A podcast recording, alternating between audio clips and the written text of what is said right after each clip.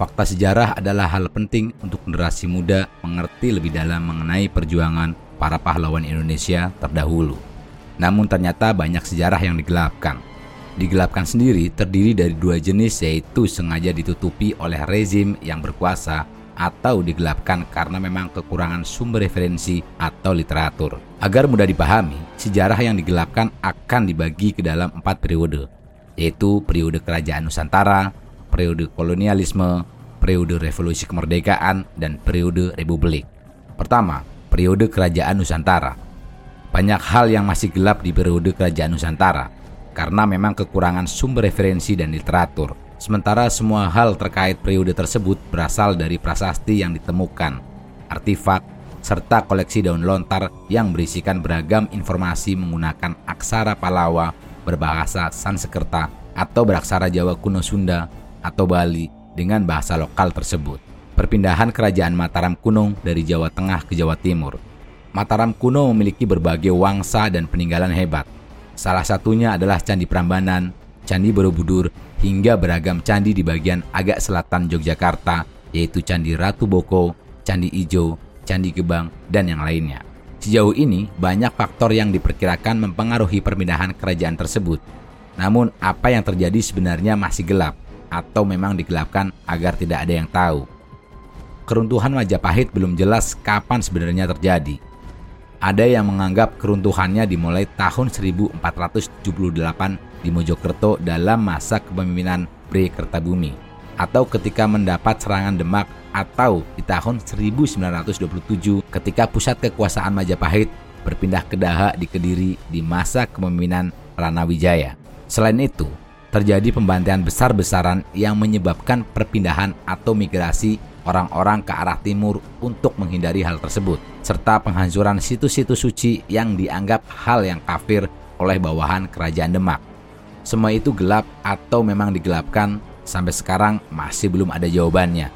Pembantaian Demak oleh Jipang, Arya Penangsang atau Arya Jipang, dia adalah cucu dari Raden Patah yang akhirnya naik takhta menjadi raja kelima setelah Demak meruntuhkan sisa Majapahit di Kediri, Kesultanan Demak dikalahkan oleh Jipang di mana serangan pasukan Jipang konon hanya menghancurkan seluruh keraton Demak dan hanya menyisakan Masjid Demak saja.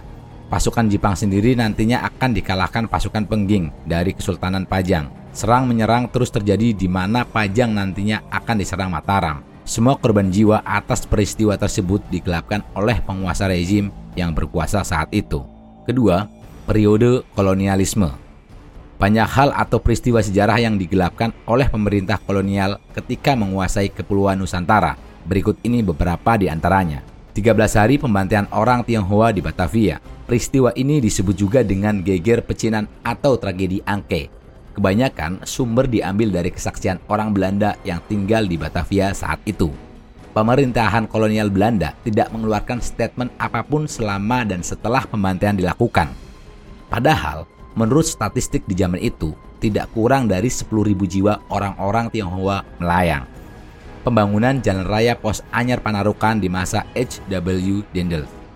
Pada masa tiga tahun kepemimpinannya di Indonesia, Dendels membuat terobosan untuk memajukan perekonomian dan militer di Tanah Jawa dengan membangun infrastruktur jalan raya pos dari Anyar hingga Panarukan. Pembangunan jalan ini menggunakan tenaga paksa dari rakyat jelata yang tidak diperhatikan kondisinya, sehingga memakan banyak korban jiwa. Upah yang diberikan kepada pekerja pun dinilai tidak pantas. Keberhasilan pembangunan memang digaungkan, namun kekejaman dan kekerasan serta korban jiwa atas pembangunan tersebut digelapkan. Ketiga, periode revolusi kemerdekaan. Zaman revolusi kemerdekaan banyak sekali terjadi hal-hal penting dan peristiwa bersejarah yang digelapkan oleh kedua belah pihak baik Belanda maupun Indonesia, karena mungkin memang dinilai teramat kelam. Berikut ini beberapa di antaranya. Pertama, pembantaian Rawa Gede. Tentara Belanda membantai penduduk Karawang dan sekitarnya ketika melakukan agresi militer pertama pada tahun 1947. Pembantaian ini sempat digelapkan, namun pada akhirnya diakui pemerintah Belanda. Bahkan para korban mendapat santunan berdasarkan keputusan pengadilan Belanda di Den Haag di tahun 2011. Kedua, tragedi pembantaian warga Belanda di masa kemerdekaan. Pada masa bersiap, para pemuda nasionalis ekstremis membantai masyarakat Eropa, khususnya Belanda, yang terlihat beraktivitas di kota-kota besar. Pada saat itu, banyak juga korban yang dicincang untuk memberi pesan dan teror kepada warga Belanda. Ketiga, peristiwa Mangkuk Merah. Pada peristiwa yang terjadi di Kalimantan Utara dan Kalimantan Barat ini, masyarakat Tionghoa Kalimantan menjadi korban utama. Mereka banyak dituduh sebagai pasukan rakyat Kalimantan Utara atau Paraku dan pasukan gerilya rakyat Sarawak atau PGRS yang sebenarnya dibentuk sukarelawan dan disetujui O Jutat, Menteri Negara di Kabinet Wikora, atas pengetahuan Presiden Soekarno untuk mengganyang Malaysia. Setelah Soekarno lengser, terjadi pembantaian PKI, di mana Paraku dan PGRS yang dianggap berafiliasi dengan Partai Komunis ikut dibantai. Keempat, pembantaian G30 SPKI. Pembunuhan tujuh jenderal Angkatan Darat membuat masyarakat marah dan menjadi mudah digerakkan oleh tentara dan ormas untuk membantai habis seluruh anggota dan simpatisan Partai Komunis Indonesia yang berada di Pulau Sumatera, Jawa, Kalimantan, Bali, Nusa Tenggara, Sulawesi, hingga Papua. Keempat, periode Republik. Masa periode Republik dimulai sejak Orde Baru muncul hingga sekarang ini. Di sini ada banyak peristiwa sejarah yang digelapkan. Terjadi bentrokan antara aparat dengan warga di Tanjung Priok pada 12 September 1984 Ratusan orang diberondong senjata dan menjadi korban jiwa keganasan aparat. Terjadi perbedaan jumlah korban yang dihitung aparat dan tim solidaritas.